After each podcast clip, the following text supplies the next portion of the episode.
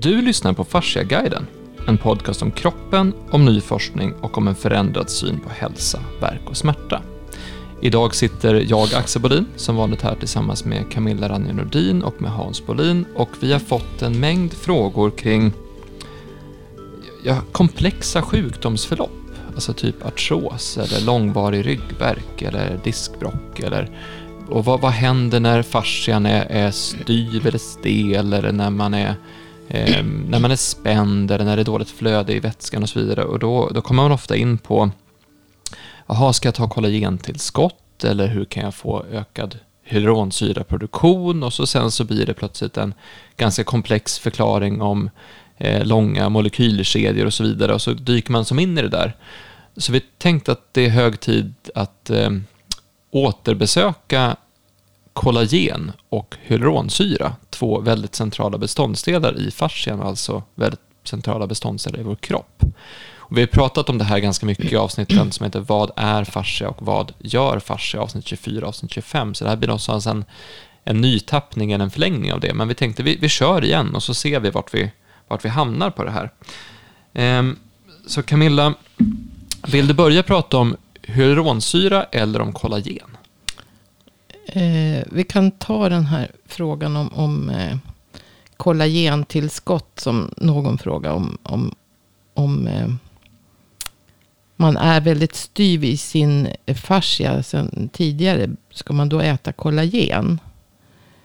Eh, och då kopplar jag bara så att Alltså kollagen, jag har pratat om kollagentillskott och att det, det är mer det är till om man har en, en skada som någon eh, och behöver reparera så finns det ju forskning på att kollagentillskott då, eh, kan snabba på läkningen av en sena till exempel, eller ett ligament eller en artros. Och jag har ju själv faktiskt fått min egen artros att bli mycket bättre med kollagentillskott.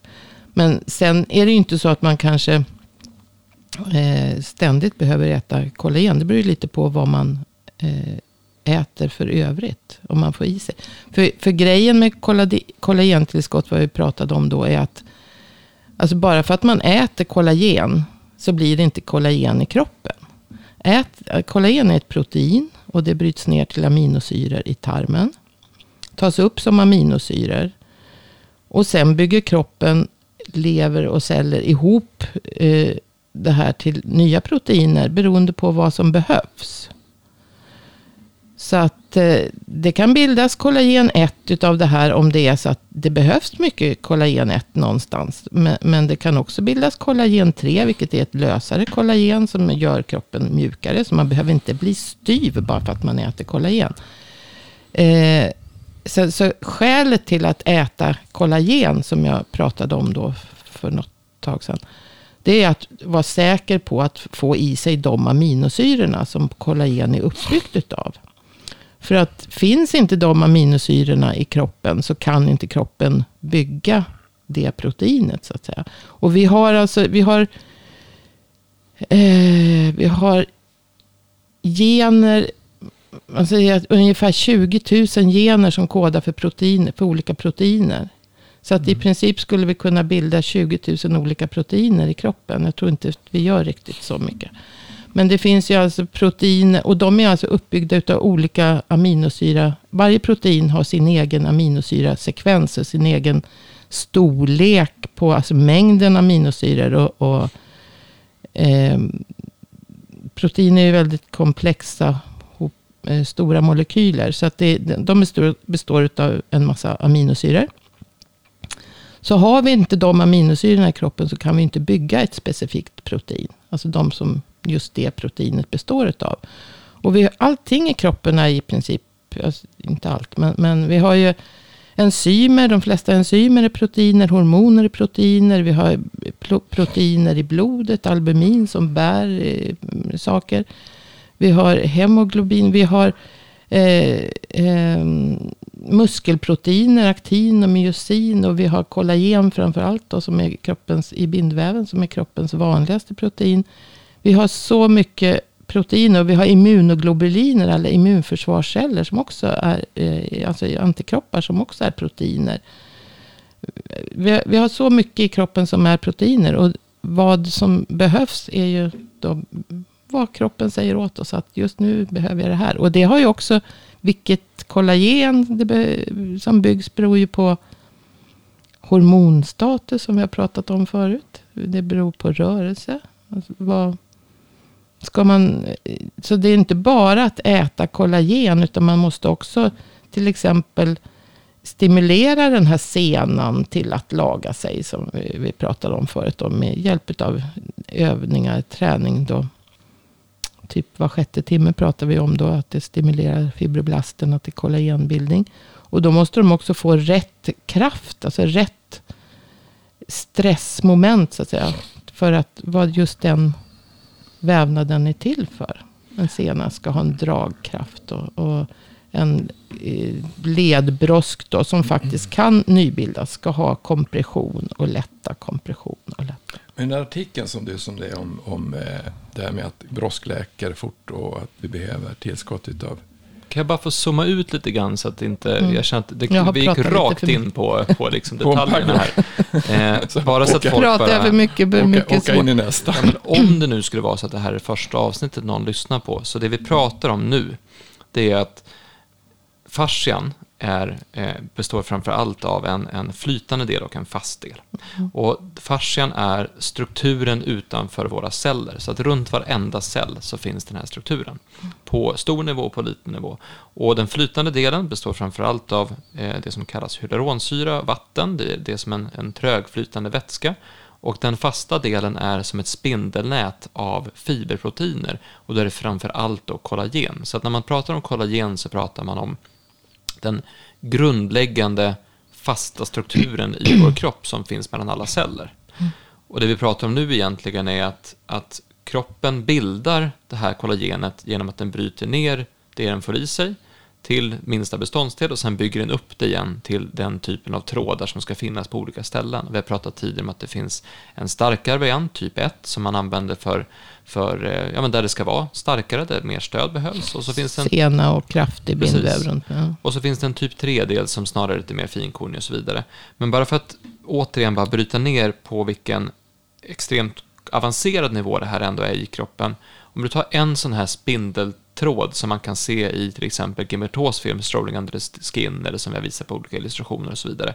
En sån tråd, vad består den av? En mängd olika proteinkedjor. Hur många? För det var ju någonstans det som vi fascinerades av någon gång, att det är en sån tråd består av tusentals... Ja, en, en kollagenmolekyl, säger man, består av eh, 3000 olika aminosyror. Jag tror, eller, eller om det är en eh, proteinkedja i kollagenmolekylen består av 3000 protein, eller aminosyror. Mm. Sen är det då en kollagenmolekyl är alltså en trippelhelix som man säger. Om, de flesta vet väl att vårt DNA är en dubbelhelix. Alltså två kedjor som mm. är ihopvindade. Och det här är alltså tre proteinkedjor som är ihopvindade. Ungefär som man tänker sig ett hamparep.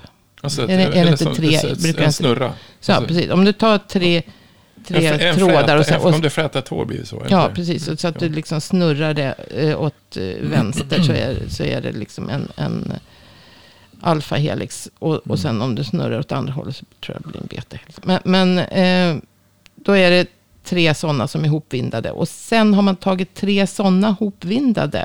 Har man tagit. Men, kroppen har tagit. Kroppen tar. Och vindar tre sådana åt andra hållet. Och sen kan det bli ännu fler och, och, som tre sådana och vindar åt andra. Så att den byter varv för varje snurr. Och det blir fler och fler. Och det här gör att kollagenet blir väldigt...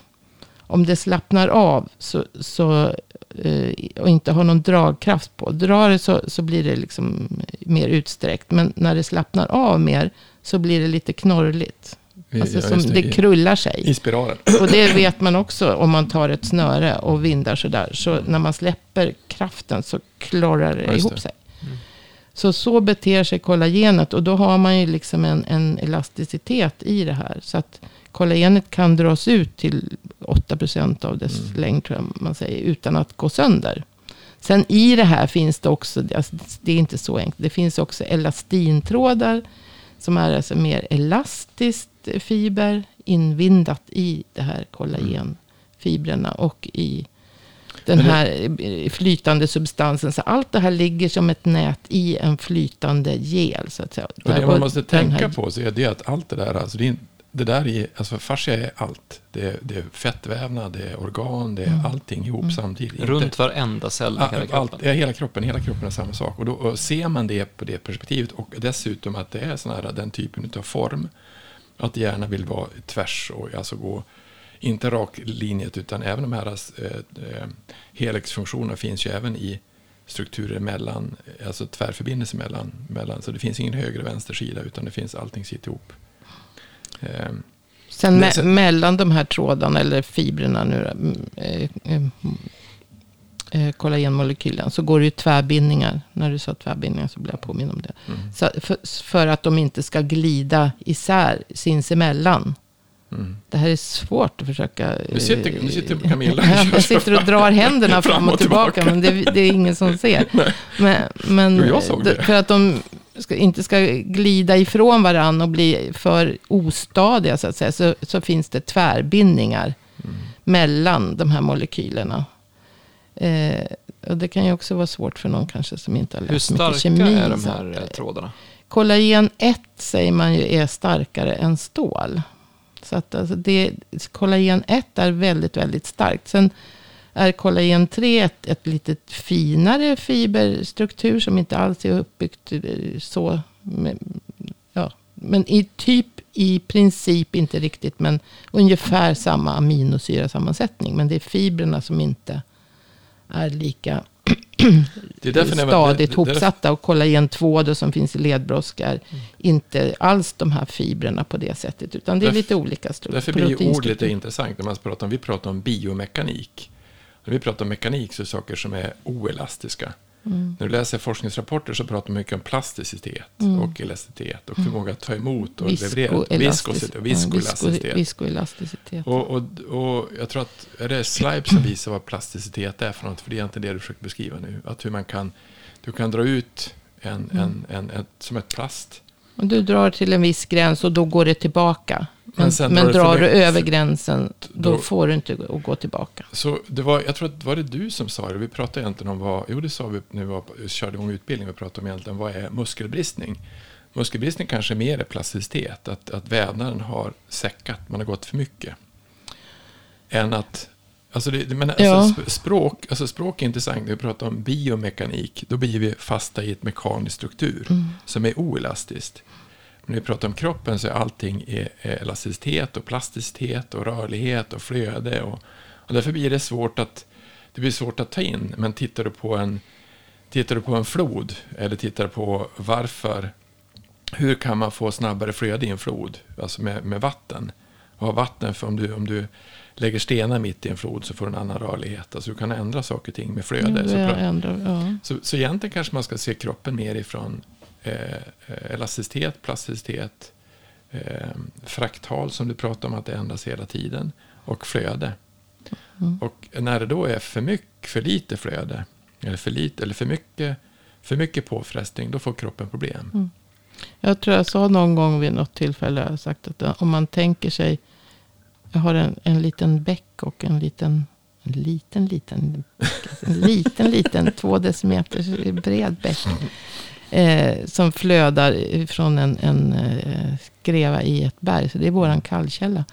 Och den flödar ner till en damm. Och det samlas ju alltid en massa skit där. Alltså Mm. det är grenar och det är döda blad och så. Så någonstans i den här, om man inte rensar.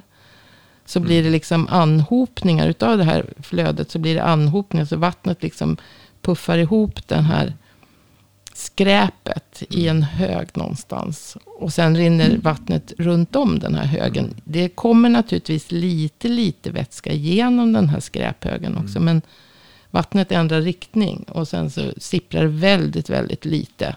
Mm. Det blir liksom stopp i flödet där. Och så tar det andra vägar. Och lite så händer i kroppen också när vi samlar på oss skit. Och det, kroppen stänger inne avfallet någonstans. Så att när inte flödet fungerar. Och då kommer man in lite på hyaluronsyran. Men innan vi går in dit så går vi tillbaka till eh, först kollagentillskotten och sen Hans skulle du berätta lite grann om brosk. Eh, för det, det som vi började med att säga var det här med kollagentillskott. Men det som kroppen gör när den får i sig kollagen, oavsett om det är via tillskott eller via mat eller via någonting sånt där, det är att den bryter ner det till minsta beståndsdel och sen bygger upp det utifrån vad kroppen gör och vad kroppen Mm. vill och vad kroppen har förberett sig för. Och där pratade vi i avsnittet om vad, vad fascia gör, att vi blir vad vi gör. Om jag sitter på ett speciellt sätt så kommer min kropp byggas efter det. Om jag rör mig på ett speciellt sätt så kommer min kropp att byggas efter det. Om jag anstränger mig på det här sättet så kommer min kropp att anpassas efter det. Om jag har en obalans så kommer min kropp att anpassas efter det. Och där blir ju föränd- alltså ska man bryta ett sånt mönster så måste man bryta ett, ett rörelsemönster. Om, jag ska om min kropp är anpassad för att sitta framåtlutad, då måste jag ju bygga upp ett rörelsemönster där jag inte är framåtlutad för att kollagenet i min kropp ska anpassas efter det. Så tillskotten i sig gör ju ingenting, utan det är vad jag gör med kroppen som kommer spela roll. Precis. Till, tillskotten av kollagen, det, det säkrar bara att du får de rätta aminosyrorna. Och det är lite också med vårt levnadssätt idag. Därför att vi äter inte så mycket den här vita hinnan. Vi äter inte så mycket brosk längre. Det gjorde man mer förr. Man kokade ben som man kokade egen buljong på, på ben. Och, och, och fick ut den här, det här gelatinet som man sa ah, kollagen. Eh, utan vi äter mer putsat kött. Vi äter mjölkprodukter. Och vare sig mjölk eller pro, eh, kött har de- de saknar vissa av aminosyrorna. Som, alltså det, som mjölk och kött har inte samma aminosyrasammansättning. De proteinerna har inte samma aminosyrasammansättning som kollagen. Därför så kan vi få brist på det beroende på vad vi äter.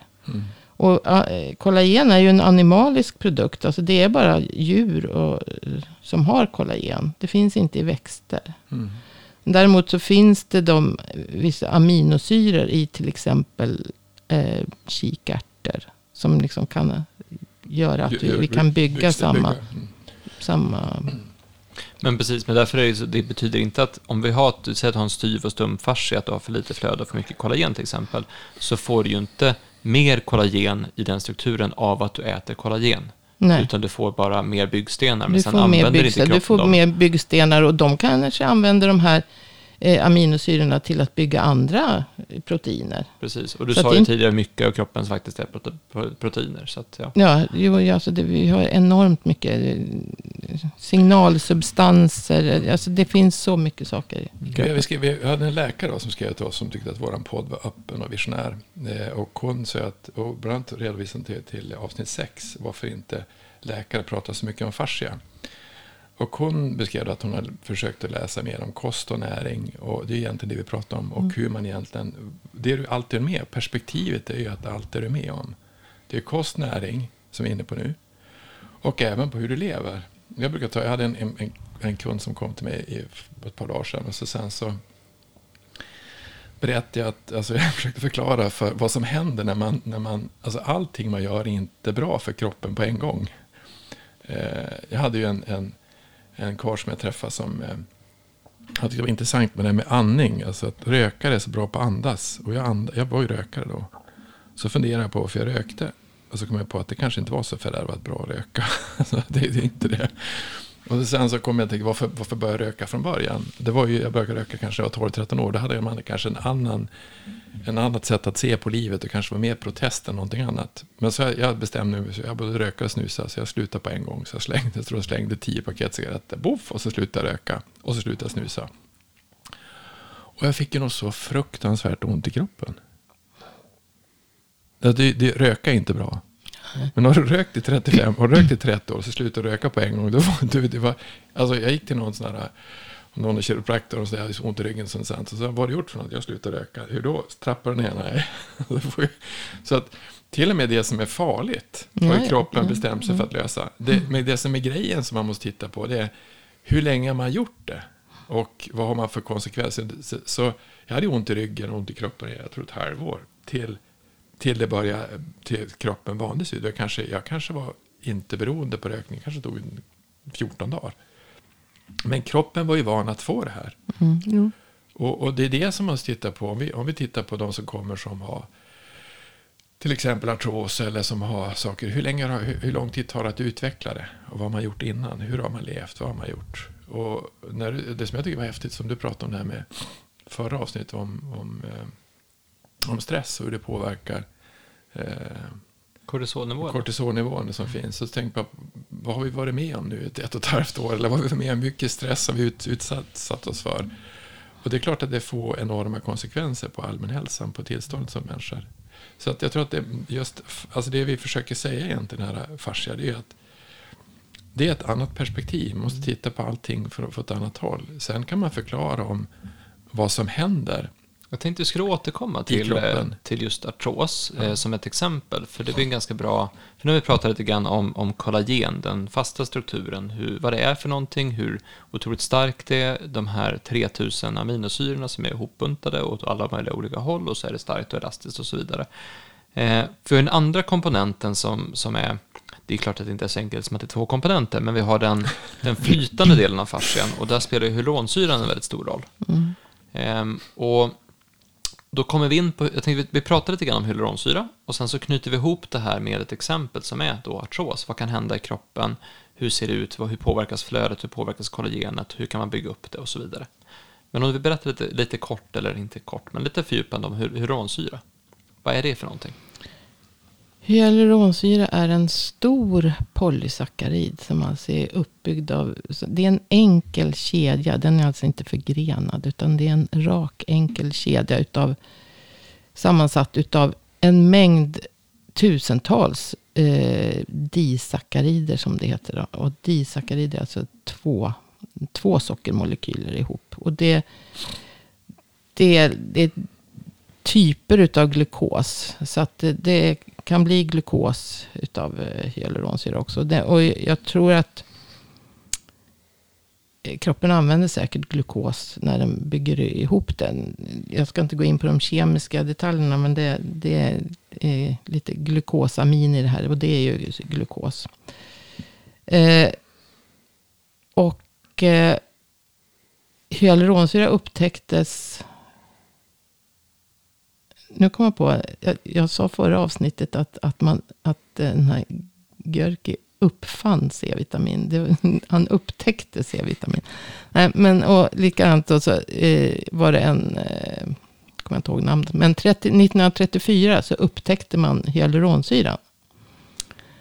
Eh, och eh, då, så, och fortfarande än idag, så det, det är en väldigt alltså, märklig Eh, molekyl. Det är en jättestor sockermolekyl alltså. Och kroppens vanligaste eh, polysackarid. Så att eh, vi har kollagen är kroppens vanligaste protein. Och, och hyaluronsyra är kroppens vanligaste polysackarid. Eh, och den kan alltså variera från några få, eh, 5000, man mäter molekylstorleken i något som heter Dalton. Så, eh, från 5 000 Dalton till 20 miljoner Dalton. Så då ser man liksom spannet. Om man, även om man inte förstår vad Dalton är. Så, så liksom, det är en enhet. Och variationen mellan 5 000 och 20, 20 miljoner. Kan man i alla fall inse att det är väldigt stort spann.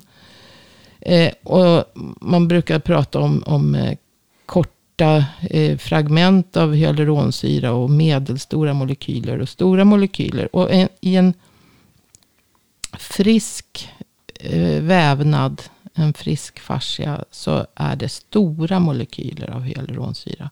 För de här hyaluronsyra är alltså till för att, eller till för, den har säkert många funktioner. Men en stor egenskap är att den binder mycket vatten. Vätskan. Så att den liksom drar åt sig vätska och gör kroppen eh, tillräckligt hydrerad, alltså vätskefylld. Och dessutom då eh, ser till att, alltså hyaluronsyra har en enorm massa funktioner. Och jag tror att det stod i någon, det har kommit väldigt mycket forskning på hyaluronsyra när man pratar om hyaluronsyra i ledvätska och hyaluronsyra i i ögats eh, glaskropp. Och där, där finns det mycket. Och sen hyaluronsyra i navelsträngen och så. Och sen ser man ju då, skönhetsindustrin har ju, alltså hyaluronsyra är ju väldigt eh, vanligt i huden också. Men vi har hyaluronsyra i hela fascian. Sen finns den ju mer då. Eh, jag ser inte där. Jag försöker visa mig en bild här. Ja. När den blir stor. Ja. Eh, så, eh, vad var jag inne på? Hyaluronsyra i skönhetsindustrin och vad man kan Ja, just, jo, men att den finns mycket i huden. Men sen finns den ju alltså i hela, hela kroppen. Och eh, eh, den finns mer då på ställen, det har man hittat, mer på ställen där det krävs mer glidmoment. Alltså i, i lager, med, nu pratar vi om lager, men där, där muskler glider, där senskidor glider och, och i hjärtsäcken för att hjärtat ska kunna glida när hjärtat slår. I lungsäcken för att lungorna ska kunna röra sig friktionsfritt. Så där det behövs minska friktion, där finns det mer hyaluronsyra. Så att vi har alltså, och, men vi har hyaluronsyra i hela kroppen. Och det finns i nervsystemet, det finns hyaluronsyra i blodet, det finns hyaluronsyra i hjärnan och i nerv, mellan nervtrådar och, och så också. Så att det, Men skulle man kunna säga att, att hyaluronsyran, precis som kollagenet, anpassar sig efter vad vi gör? Ja, det gör. Men, men hyaluronsyra har, har ju då, om man tänker att det här spannet av storleks, eh, molekylstorlek. Från 5 000 till 20 miljoner. Ja, så har den alltså enormt skilda egenskaper om den är stor eller liten. Och vi vill ha alltså en stora molekyler som binder mycket vatten. Och de ska också vara, vara utdragna. Liksom. Det är en enkel kedja. Sen, sen kan de här koppla till en massa andra proteiner och molekyler i kroppen. Så att Alltså, och den både binder vatten och andra molekyler. Så att, så att hyaluronsyra är väldigt, väldigt komplext och väldigt, väldigt svårt. Men, men bara de sista åren, 19, 20, 21 nu, så har det kommit väldigt mycket forskning på hyaluronsyra i fascian. För förut så pratade man mest om hyaluronsyra i leder, vad som händer. Men det, det blir ju Eh. komplicerat när man förenklar. Men om man skulle kunna säga så här, en, en förenklad bild, så kan man säga att en, en bra hyaluronsyramolekyl, det är som ett tåg med jätte, jätte, jättemånga vagnar. Som ska gå på den här rälsen som är flödet i kroppen. Sen går rälsarna hit och dit och fram och tillbaka och sådär. Men du vill gärna ha den långt utsträckt som en så. Och har du, ett, har du ett långt tåg så kan du ha många positiva passagerare med på tåget. Ja, mycket, Men, men mycket. har du ett kort tåg så är det inte lika många gäster som ryms och framförallt har du tåg som, som eh, du vet, där vagnarna liksom är i små åttor, då kommer inte det Precis, rulla lika de, snabbt. De krockar ihop sig på ett... De, jag, liksom- det- den metaforen, jag tycker, det, om du tar den så tycker jag, jag tycker mer att som, alltså om du tar riktigt aggregerad nivå, hög nivå, så så hyaluronsyra är stötdämpare, alltså bromsen. mm, jo, ju ol- större den och är, ju oljan, mer... Och ja. oljan, så det är två saker. Så egentligen har du kroppen har broms, broms är ju någonting som är ett stopp. Den är binder mycket vacker, samtidigt som det är olja. Så du har olja och broms samtidigt. Eh, och det, då, då, det är ett sätt att förklara det på. Eh, och sen så, så varför, sen har det säkert många andra funktioner också. Men, men eh, det, det är någonting som vi behöver för att vara rörliga. Ja, och hyaluronsyran håller ju liksom koll på kroppen. Den, den, eh, hem, den dämpar celldelning, eh, transport av celler och så. Alltså i den stora formen. För då håller den homeostasen med vätskan och så. Men sen om, den, om det händer saker i kroppen så kan den direkt väldigt snabbt ändra molekylstorlek och kanske gadda ihop sig med mindre molekyler som klibbar ihop sig mera. Som du sa, de korta tågen då, som liksom kletar ihop sig. Och istället för att binda vatten så att det blir som alger som svävar i ett eh, hav. Alltså att de rör sig hela tiden och det är mycket vatten som flödar fritt runt omkring. Så, så tjockar de ihop sig som det här eh, skräphögen som jag sa. Och sen så kommer det inte till, det stänger inne vatten som inte liksom kan flöda runt Det kan vara alger och korallrev samtidigt. Ja, precis. Så det blir, det blir och då pratar man om att, att det här, eh, när det blir för korta molekyler, för små molekyler, då, eh, då stimulerar den eh, eh, inflammation. Men, men de stora molekylerna hämmar inflammation, läker inflammation. Så, så att det, den kan ha väldigt helt olika, helt motsatta effekter beroende på sin molekylstorlek. Om man säger i cancer eh, patienter som man hittar runt cancertumörer så där finns det väldigt mycket korta hyaluronsyrekedjor. Och nu vet man inte, man är inte säker på det, om, om det är cancercellerna som så att säga triggar att eh, kapa sönder eh, hyaluronsyrorna. Eller om det är hyaluronsyremolekylerna som, som triggar cancertumörcelltillväxten. Alltså, det här är så pass nytt ändå. Jag tror att det är inte många läkare som, som, eller inom vården överhuvudtaget som är medvetna om hyaluronsyrans fantastiska Egenskaper. egenskaper och variation i egenskaper. Precis, så Eh. den kan både jobba för oss och mot oss kan Ja, man säga. Jo, Och det som är intressant, för vi, vi har ju pratat om hyaluronsyra vid några tillfällen tidigare. Dels det här med att den är, en, den är tryckkänslig. Så Ja. att det, det är precis som en ketchupflaska så är den icke-newtonsk substans. Så att, Ja, att du, om du skakar den så ändrar den viskositet, den ändrar tjocklek. Mm. Och därför påverkas den här molekylstrukturen väldigt mycket av den miljö som är runt omkring. Är det en miljö med mycket tryck? Är det en miljö under belastning? Är det en miljö som är sned? Och där kopplas det här ihop till kollagenstrukturen som jag pratade om tidigare. Så att en kollagenstruktur som är, som är tät eller tokig eller under, eller under belastning kommer också att göra att hyaluronsyremolekylerna blir mindre. Och att de börjar jobba emot därför, oss vi, istället för med därför, vi, oss. därför vi, eftersom det, det här är en vi- viktig substans i fascians alltså, funktion. Så när, alltså, det här är ju lite, det är därför blir perspektiv intressant. För att blir vi stressade, vad är stress för någonting? Det är någonting som händer, det är en yttre påverkan, någonting som gör oss, alltså, egentligen var det kanske djuren som vi skulle för, men det påverkar också hyaluronsyran, det påverkar också fascian. Så att det påverkas av saker och ting som vi tycker inte är fysiska. Stress är ju inte fysiskt egentligen. Är det fysiskt? Vad det Nej, men det ändrar hela den kemiska om man nu ska sammansättningen i fascian, i det här flödet mellan cellerna. Och cellerna får andra signaler att börja bete sig på andra sätt. Så att hela det här, hur det här flödet mår, signalerar ju till cellerna vad de så att säga ska Mm. Och där, göra. därför med, då finns det ju ett annat. Det står ju, det står, alltså det står ju, vi hade på något, något avsnitt pratat om synd, du har missat målet, att man inte man ska göra. Mm. Då står det ju i Bibeln står det att man ska inte, du ska inte synda i tankar, ord och gärningar. Då blir tankar, ord och gärningar lite mer inte intressant i perspektiv För att du kan alltså du kan tappa, du kan tappa styrfart med tankar och Mm. med ord och med gärningar. Och det är ju så komplext det är egentligen kroppen. Vi kan bli påverkade av saker på en gång. Så att du kan få högt blodtryck och du kan, få, du kan förändra hela din... Bara att det är något, bara något som händer. Ehm, så, så, och därför blir ju komplexiteten och hur, hur vi egentligen fungerar så blir det ganska svårt att, att förenkla och förstå det. Men det är ganska komplext. Det är, det är väldigt komplext. Men Fast, först tillbaka till, till det temat vi har haft, framförallt i avsnitten tillsammans med Per, att den här förståelsen av delarna, att vi specialist, ska specialist förstå delarna. Eh, nu hoppas jag att ni som lyssnar har insett hur komplext det här är. Alltså bara att förstå kollagen och hyaluronsyra är fruktansvärt komplext. Och så förra avsnittet så pratade vi om hormoner och, och hur fruktansvärt komplext det är också. Alltså hur mycket de här olika systemen påverkas av varandra hela tiden.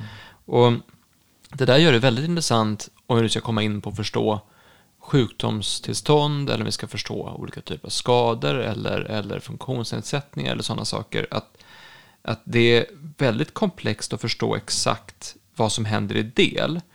Men å andra sidan kan man, man kan också göra det ganska enkelt.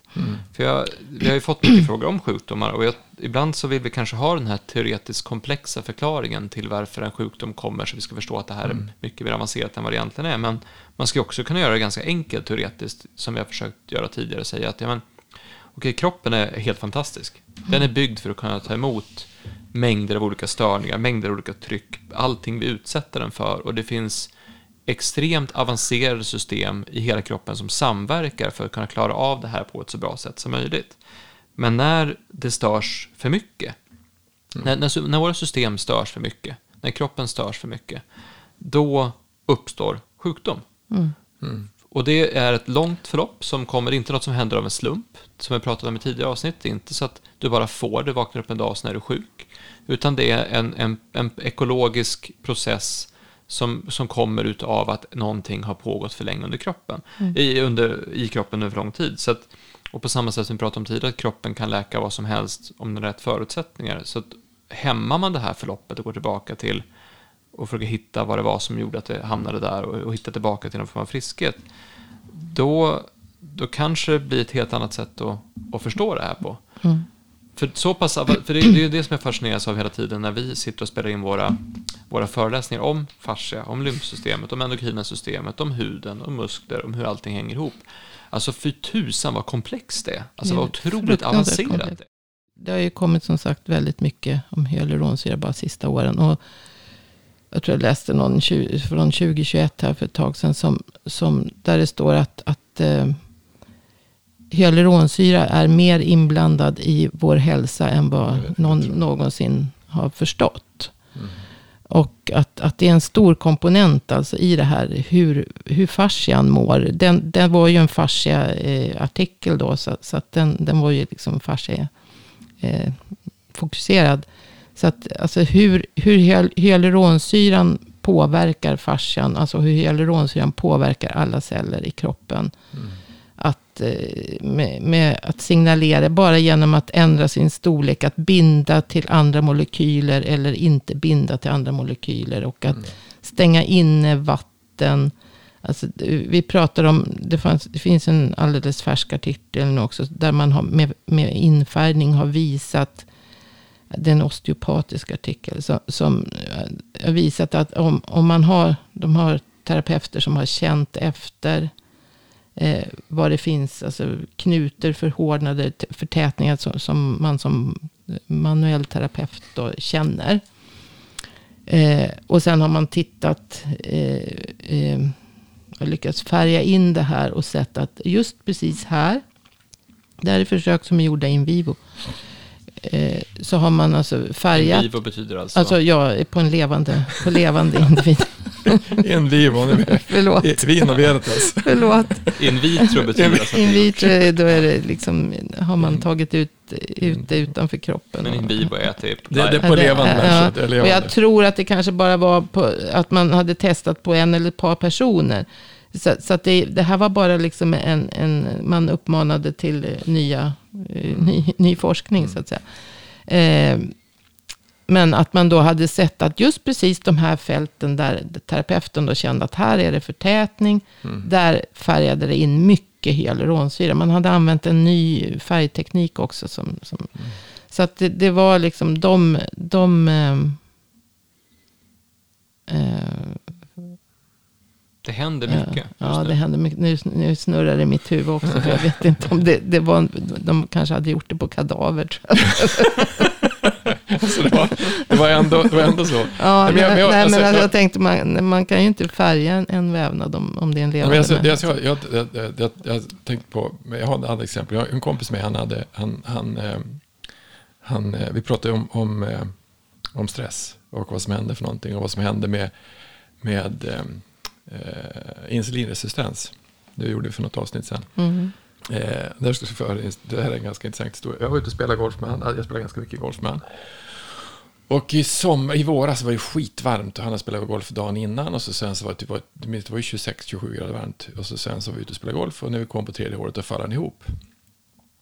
Och, hon, och hans fru vart ju jätterädd. Det var hände så sa hon, Hans kom och kolla. Och han, han var ju medveten men han föll ihop. Och jag tror att han föll ihop för att han hade för lite vätskebrist. Men, men eh, de, de tog dit ambulans och det var stora allting som på. Och han då eh, tordes inte göra någonting. Så att han spelade inte, han, han spelade mycket golf, han spelade kanske 6-7 mil i veckan spelade han.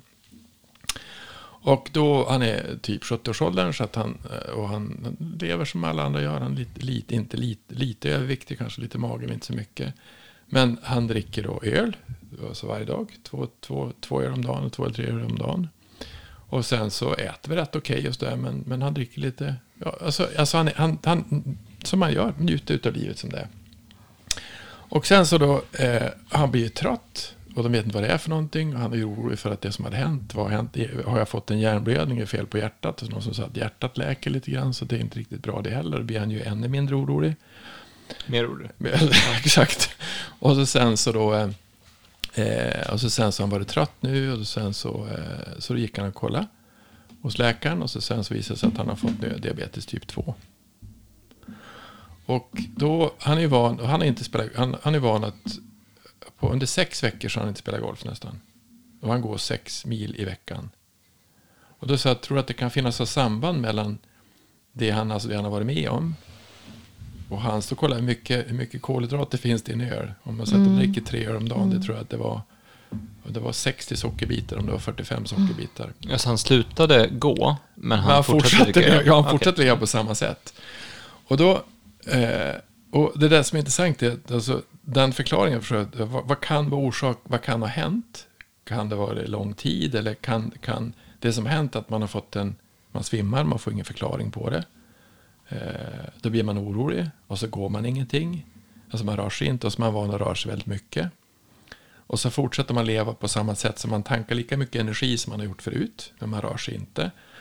Vad, hur påverkar, där har du ju både kost, näring och rörelse. Mm. Hur påverkar det kroppen? Mm. Och det skulle man kunna säga att säkert finns det, kan det finnas ett samband mellan att man inte har motionerat mindre, ätit samma kost och dessutom varit orolig. Vad händer i kroppen? Man kanske då? hade eh, insulinresistens redan innan så att säga. Fast han kände det inte? Nej, utan det kanske var då som... Det var sen när det, när det stannade av sig? Mm. Så att det, det, alltså att han hade... Beroende på kost eller det finns ju en viss ärftlighet säger man också. Men just det där med ärftlighet har vi pratat om. Alltså vad, vad är det som gör att det slår, iväg, slår igenom så att säga. Det är inte så att bara för att du bär på ett visst arv att du måste bli på ett visst sätt. Det är att aktivera de generna. Ja, precis. Men, vad, vad, om, du, men, men om du äter för mycket hela tiden har för mycket kolhydrater, mer än vad just du tål, så att mm. säga. Så dina celler tål så, så får du ett högt, eller och är stressad kanske, så du får höga eh, sockervärden. Alltså kortisolnivåerna gör att blodsockret ökar. Sen till slut så slutar cellerna att svara på insulinet. Du mm. pumpar mm. på insulin därför att eh, blodsockret blir högt. Men till slut så slutar cellerna svara på det. Och då får mm. du för höga blodsockervärden. Det kan man ju tuppa av. Kan det finnas samband? Det kan man också tuppa av. Det kan man tuppa av. Så det kanske var alltså i, det kanske var insulinresistens han toppade av. Det kanske, han kanske hade det redan innan. Men vi ska inte kanske Men om man säger, om man säger, så, om man säger så, finns det då, om du tar, inse, om du tar finns, kan det finnas samband mellan insulinresistent och högt blodtryck? Ja. Det, typ. kan det vara så? Ja, alltså kortisol, eh, höga kortisolnivåer, hög stress ger ju ett högt blodtryck. Ja. Så kortisolet ger ett högt blodtryck, det ger också höga blodsockernivåer och, och bryter ner kroppen så att säga. Hämmar immunförsvaret och så. Därför att det, det, det så att säga förbereder, eller det triggar din kropp att du, till försvar. Så att säga. Du, du måste klara av den här situationen, den här stressiga situationen. Och det ska du göra under en kort tid. Men inte vecka ut, vecka in, månad ut, månad in. Och det gör också att höga kortisolnivåer gör att du sover dåligt. Man sover dåligt när man är stressad. Eh, och det höga kortisolnivåer gör att du får störd sömn. För mm. du blir hela tiden aktiverad att du måste göra någonting åt den här situationen. Men, och sen kan ju dålig sömn i sin tur ge höga kortisolnivåer. Så att vad som är orsak och verkan. Där, så för, för, för högkallarna, för, för hög Jag är inte läkare och vill bara påpeka. Så Vi håller på med fascia. Perspektiv. Mm. Jag försöker bara se helheten. Mm. Eh, eh, nej men eh, hyaluronsyran som sagt, den, den ändrar ju... Hur påverkar den, vid, hur påverkar den vid insulinresistens då? Ja, men alltså man vet ju att, att eh, om kroppen eh, har höga sockernivåer så försöker den ju lagra in. Det är ju skadligt att mm. få för mycket socker i blodet. Och då försöker kroppen lagra undan socker i, ute i vävnaden, i bindväven. Så att det ligger, det är ju det man säger att den blir spröd och karamelliserad eller, eller eh, i fascian utav höga sockernivåer. Att de, mm. så att diabetiker får ju en väldigt hård, spröd, oelastisk fascia. Mm. Eh, och det, måste, det är säkert så att hyaluronsyran också påverkas. Alltså att den är med i det här. Och jag tror att hyaluronsyran, vi pratar om hormon, det- hormonerna påverkar kollagenet. Hormoner påverkar, nu har, jag inte direkt någon forskning på det. Så att jag, men varför skulle inte hormonerna påverka hyaluronsyrans Mm. eh, konformation så att säga. Alltså, och dess egenskaper, molekylstorlek, bindningsförhållanden och allt så. Så eftersom man, man det läste jag ganska nyligen också. Det finns ju forskning, alltså får man överanstränger man sig så man får mycket mjölksyra i kroppen. Att man, alltså mjölksyra. Mm. Mm. Så att eh, då, då vet man ju att då, då slutar allt fungera. Man orkar inget längre. Mm. Då, om man sänker pH i vävnaden till 6,6, vilket kan bli utav mjölksyra i vävnaden. Från normala Mm. runt 7 då.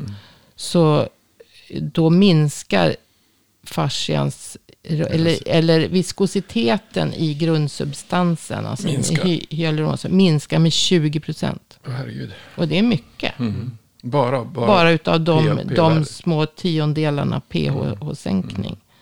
Så att, eh, och om man då hela tiden går och är försurad till exempel. Det är en annan eh, aspekt på Mm. som kan bli i kroppen om man är stressad också. Att man får för mycket eh, surt i vävnaden. Att Och försurningen kommer både från socker och från stress. Ja, precis. Eh, eh, oxidativ stress kan ju också ge försurning. Så att, så att eh, vi, är, vi ska ha liksom den här homeostasen med pH runt 7.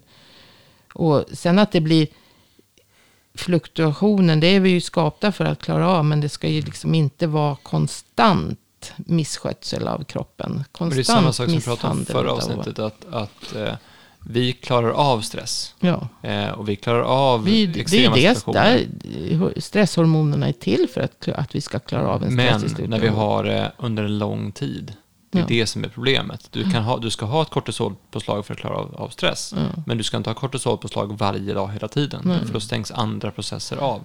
Du kan Så. ha ett pH som är på 6, vad var det, 6,6 Mm. eh, ibland, men du ska inte ha det hela tiden, för då börjar det brytas ner. Så egentligen så blir ju, som vi pratade om tidigare, man ska nog snarare titta på på miljön i kroppen utifrån ett ekologiskt perspektiv och se hur ser egentligen, hur ser vår inre miljö ut? Ehm, men om vi tar tillbaka, för vi har pratat nu om, om kollagen och, och strålarna. Och, artrosen. trådarna, och så har vi pratat om hyaluronsyra. Vad, vad händer då till exempel vid, nu tar vi artros som exempel, för jag har fått mycket frågor om artros just specifikt. Vad, vad är det egentligen som har hänt där? Men om vi tar samma sak, om vi- om vi tar det här med förtätning först och samma, om vi tar den vägen också. Alltså vi tar, Ja, om vi jag tar, om vi tänkte- tar, om vi- tänkte prata om för- för- förtätning. Om vi tar, om vi tar, för det är samma sak som om vi tar, om vi tar diabetiker som, som, är, som är för styva och spröda. De har ju lätt, större chans att få till exempel frozen shoulder, som är en förtätning. Eh, och då är det frågan, kronisk inflammation, vad har den för, för, vad har den med, för samband med fascia och förtätning? För det blir ju också samma sak. Det blir, vad händer med hyaluronsyran då? Ja, men den, den, när hyaluronsyra, in, inflammation, alltså hyaluronsyra kan ju trigga inflammation genom att den blir för små molekyler och som då istället eh, inte binder vatten så här fritt utan stänger, klumpar ihop sig och stänger in vatten. Mm. Den själv aggregerar också. Det kan den göra när det blir för stor, det blir för stor koncentration. Det kan bli för stor koncentration men också att molekylerna är för små. Mm. Och eh, eh, alltså vi har hela tiden en balans mellan bildning av hyaluronsyra och nedbrytning av hyaluronsyra. Hyaluronsyra har en omsättningstid alltså på några från några timmar till två dygn. Så det går ju väldigt fort. Alltså kroppen ska hela tiden bryta ner och bilda nytt och bryta ner och bilda nytt. Det är samma sak med kollagenet fast där har det ett års omsättningstid. Så det tar lite längre tid att bilda nytt kollagen. Och det är därför du till exempel kan bli stel av att ligga stilla en dag. Så redan Ja, på en dag så kan du bli Precis, stel ja, av du det. kan bli stel bara jag reser på mig nu så kommer jag vara stel för att jag har suttit så här en timme eller två. Mm. Så, så att alltså den, den eh, tjockar ihop sig när man inte rör sig så, så ändrar den konformation och stänger inne vattnet. Och det här, nu läste jag, så, och det är det man kallar för förtätning. Det är den här förtjockningen i hyaluronsyran som alltså stänger inne vatten. För då har ju Stecco visat att att med eh, olika tekniker då, att det är vatten som så att säga är instängt i den här dåliga hyaluronsyran eller mindre funktionella hyaluronsyran som alltså har självaggregerat. Istället för att binda till andra vattenmolekyler så binder den ihop sig med sig själv. Kanske binder sig, biter sig själv i svansen eller vad man ska säga. Eh, och, och då fungerar ju inte vattnet som den här eh, stötdämparen och glidmedlet så att, så att, som det ska göra. Mm. Och vätskar ju inte upp kroppen på det sättet eftersom det blir så att säga, instängt i kluster då istället, som en honungskaka. Men sen läste jag en eh, artikel här just om, om, som var gjord på, man hade gjort försök med i leder, alltså med konstgjorda skador i, i leder. Och hyaluronsyrans funktion. Och att vid en, en ökad kompression så spiraliserar den ihop sig och stängde in vatten. Och det är lite så som, som han, han sa med det här. Att den så att säga, blir som spiral, knorrar ihop sig Mm. och stänger vatten. Men att i en led så ska det vara så. Därför att det skyddar mot kompressionen. För att det. hålla, hålla isär ledändarna. Mm. Eh, men däremot om, om man då börjar röra på den här leden. Då blir eh, viskositet. Då, då, då börjar de här hyaluronsyremolekylerna att Sprida ut spreta sig. ut sig. Ja. Och sen så blir det mer lättflytande. För att när du rör dig då ska leden glida lättare. Mm. Men när du står still. Och då tänkte jag där också. För att vad är artros? Ja, alltså artros som jag pratar om att det, det är en förslitning. Det är obalans mellan brosktillväxt och brosknedbrytning. Mm. Så att det, det bryts ner mer än vad det växer till. För att brosk kan växa till. Så att, så Mm. att det, vi, där, där är det lite motsägelsefullt. För att om man tittar bara på, jag vet inte om det är ett, ett, två, eller någonstans. Då står det, vad, vad är artros? Ja, det är en obalans mellan nybildning av brosk och nedbrytning av brosk. Ja, alltså kan, det Ja, så står ju där, det- det kan ju det kan ju nybildas. bildas, Ja, det kan nybildas. Men om man då belastar en led fel. Så att det hela tiden på, på något ställe blir en, en överkompression. Så att säga, i, Det är för mycket tryck. För att, ja, det är för Det är mycket, för, eller för mycket, felakt, för, felaktigt. för mycket tryck i, i en, en, på en led Ja. eller i en, en del av en led. Som min höft till exempel. Mm. Som då när, eftersom mitt bäcken har varit Snett snett så länge. Så jag har felbelastat den här eh, höftleden. Så har jag alltså slitit brosket mer än vad det, det lyckas nybilda. Mm. Det nybildas, men eftersom jag hela tiden belastar fel så bryts det ner i samma Mm. takt om man säger så. så. Så att det läker ju aldrig ut. Mm. Men däremot om jag hela tiden så att säga, får mitt bäcken korrigerat och, och eh, går mer rakt och försöker själv tänka på kanske att, att göra vissa övningar och så. Så har man ju då, och då i det här fallet när kroppen ska läka, eftersom jag inte äter så mycket kött med seniga hinnor och så. Så måste jag Äter, liksom, äter, du, eh, alltså, f- alltså äter du kollagen nu? Nej, nu har jag faktiskt varit slarvig med kollagen på ett bra tag. Men, men jag har ju ätit under ganska lång tid. Och jag har blivit bättre. Mycket bättre, eller?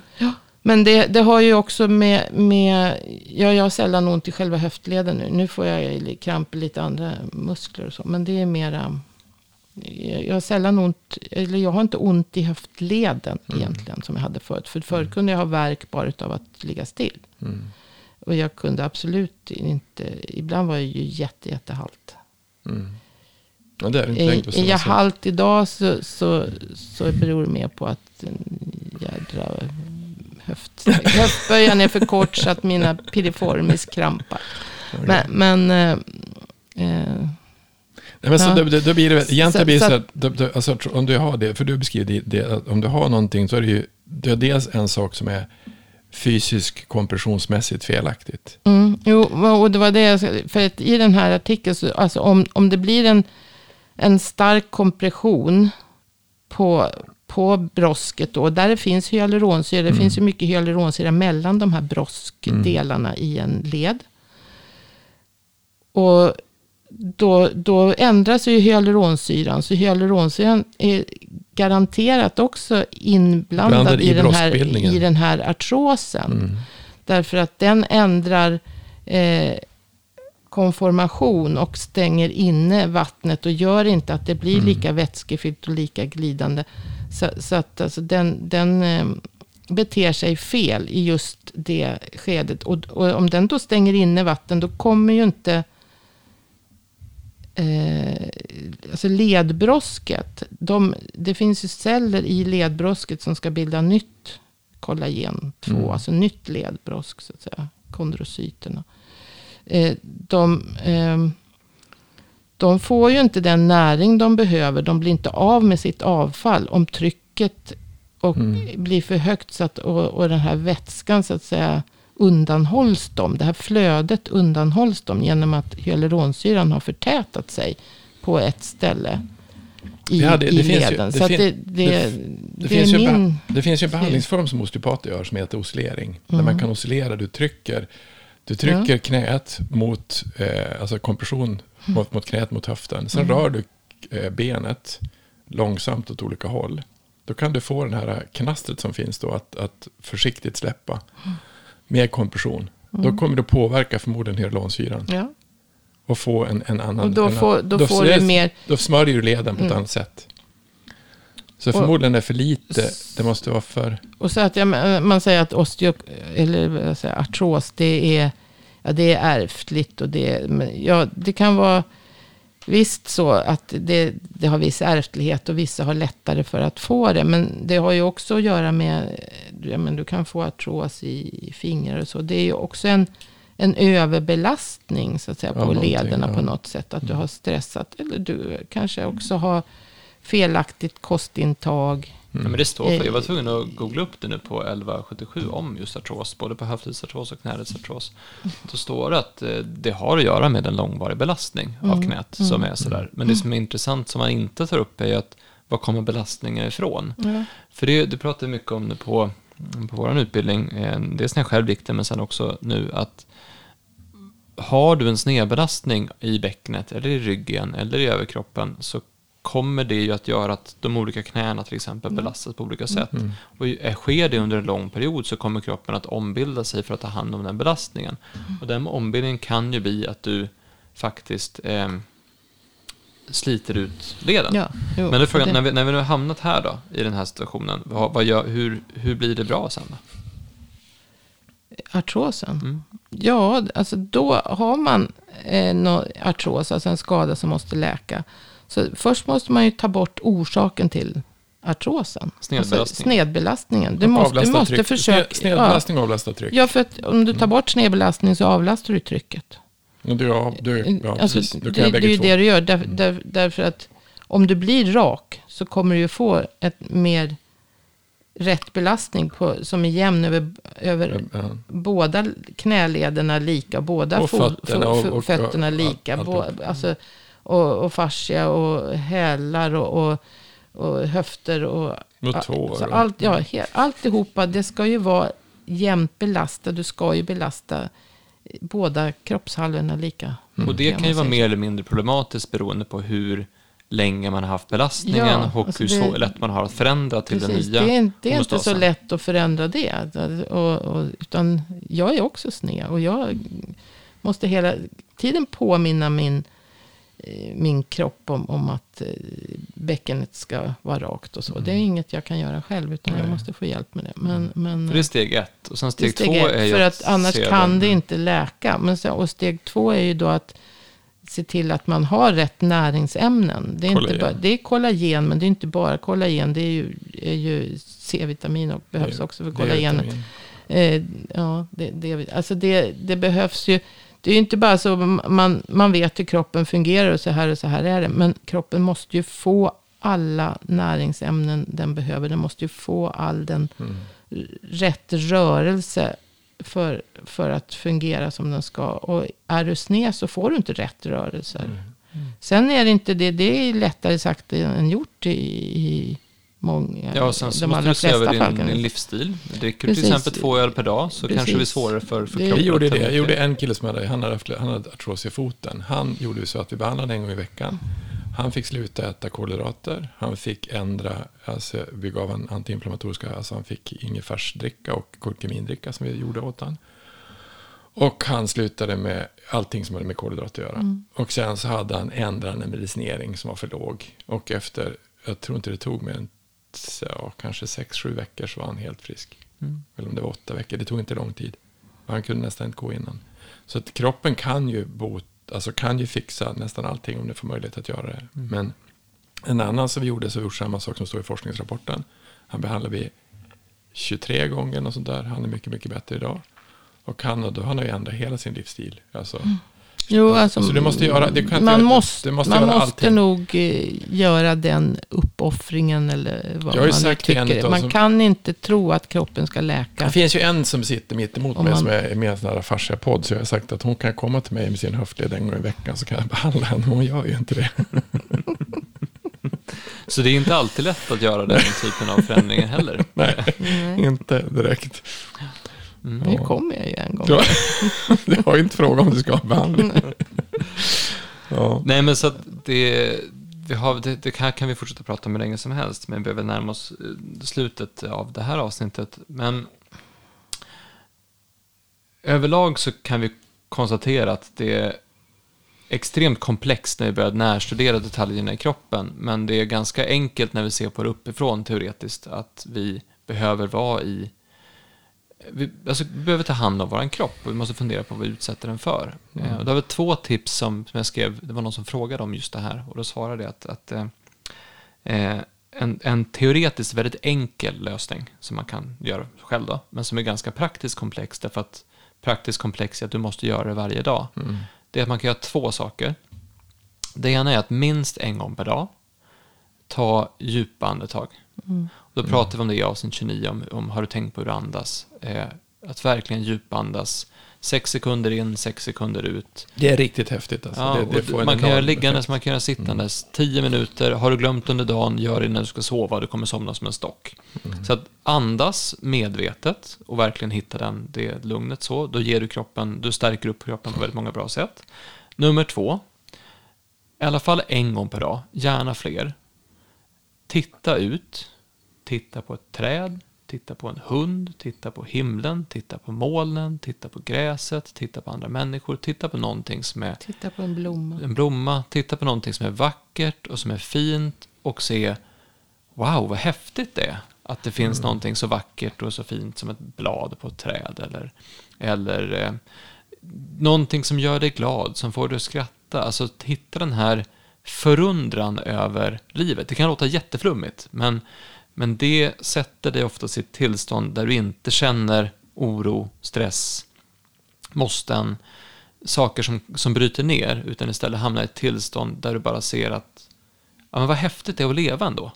Det finns en tredje sak som är nästan ännu viktigare. Och som, som du sa när du lyssnade på det där med, alltså, som vi jobbar som barn. Titta, titta, titta.